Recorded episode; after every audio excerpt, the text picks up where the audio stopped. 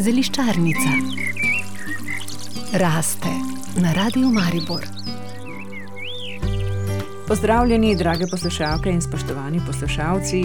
Skoraj da zagotovo tudi na vašem vrtu raste žajbelj, izredno zdravilna rastlina, ki se je nekateri nekoliko boje in je ne upajo uporabljati, spet drugi so po domače rečeno. Preveč korajžni. Tudi Sanja Lončar, urednica spletnega središča za zdravje Pikanet, se čudi nad pogumom nekaterih. Sanja, lepo pozdravljeni.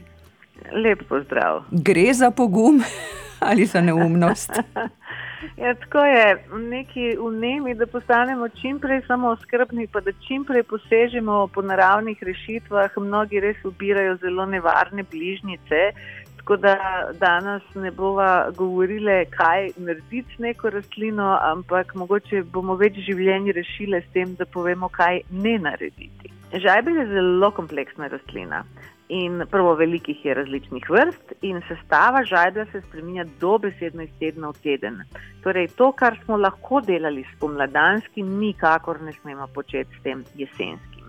In to, kar se spremeni, je, da v žajblju količina tujona, ki je sestavina eteričnega olja in tudi močen strup, ki moti tudi in hormone in živčevje, ta se nabere in ga je desetkrat več zdaj, kot ga je bilo spomladi. Torej, če nam je spomladi kakšna nevednost bila še odpuščena in če smo ga brez večjih posledic mogoče namočili v kakšnem šnopcu ali v, vem, odsvrli ali kaj takega počeli, no z jesenskim pa res ni šale. In uh, recimo jaz zdaj spremljam in tudi ljudje pišejo, res počnejo marsikaj, kar za žajbelj ni primerno. Vse, kar ohranja aromo in eterično olje, bo ohranilo tudi tujon.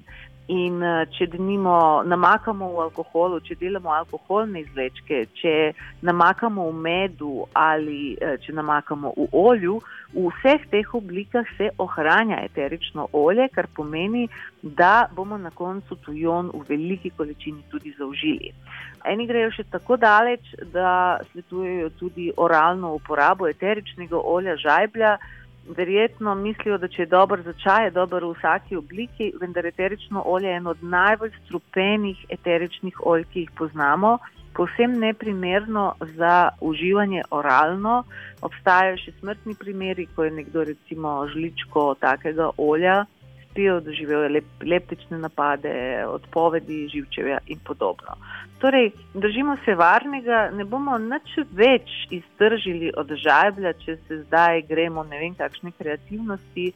Žajbelj, če ga zdaj nabiramo, posušimo, uporabljamo ga za čaj ali v obliki prahu, to sta dve taki varni in dovoljeni obliki. Veste, v srednjem veku je obstajala knjiga, ki je obsegala 90 strani, v kateri so bili natančni napotki, kako se žajbelj uporablja za različne težave.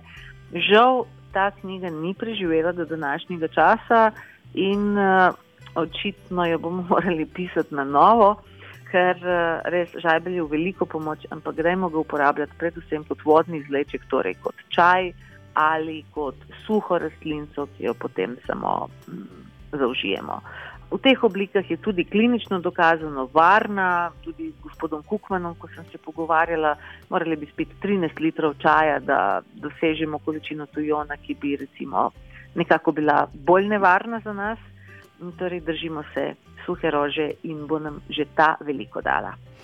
Čaj si sproti kuhamo svež ali lahko zjutraj skuhamo velik lonec čaja in eh, potem pustimo žajbelj celo v tej vodi in pijemo vse dan. Ja, uh... Žebelj ima v sebi zelo velik čreslovin, zato tudi suši usta, zapre sluznice. Super, če imamo kakšno notranjo krvavitev, potem to izločanje teh čreslovin pomaga, da to besedno ustrojimo lastno kožo.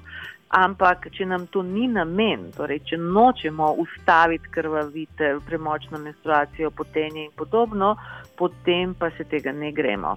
Torej, z vsako rastlino mi lahko dobimo, odvisno, kar želimo, seveda, bolj ga vremo, več iz njega gre van ravno teh čreslovin, Ampak, če bi to ustrajno pili, bi tvegali zelo, zelo posušene sluznice, zelo suha usta.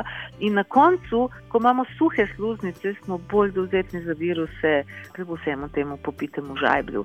Tako da res pretiravati uh, se ne gre. Jaz žajblj pripravljam kot zeleni čaj, poparek s vodo 70 stopinj. Ali po tisti brojsovi recepturi, rahlo vred 3 minutke, in tudi to ni droga za vsak dan, razen če prav terapevtsko, recimo, ne vem, je kot del nekega protokola uporabljamo. Torej, žajblom po pameti. Sanja Lončar, urednica spletnega središča za zdravje Pikanet, lep teden želim. Zeliščarnica raste na radiju Maribor.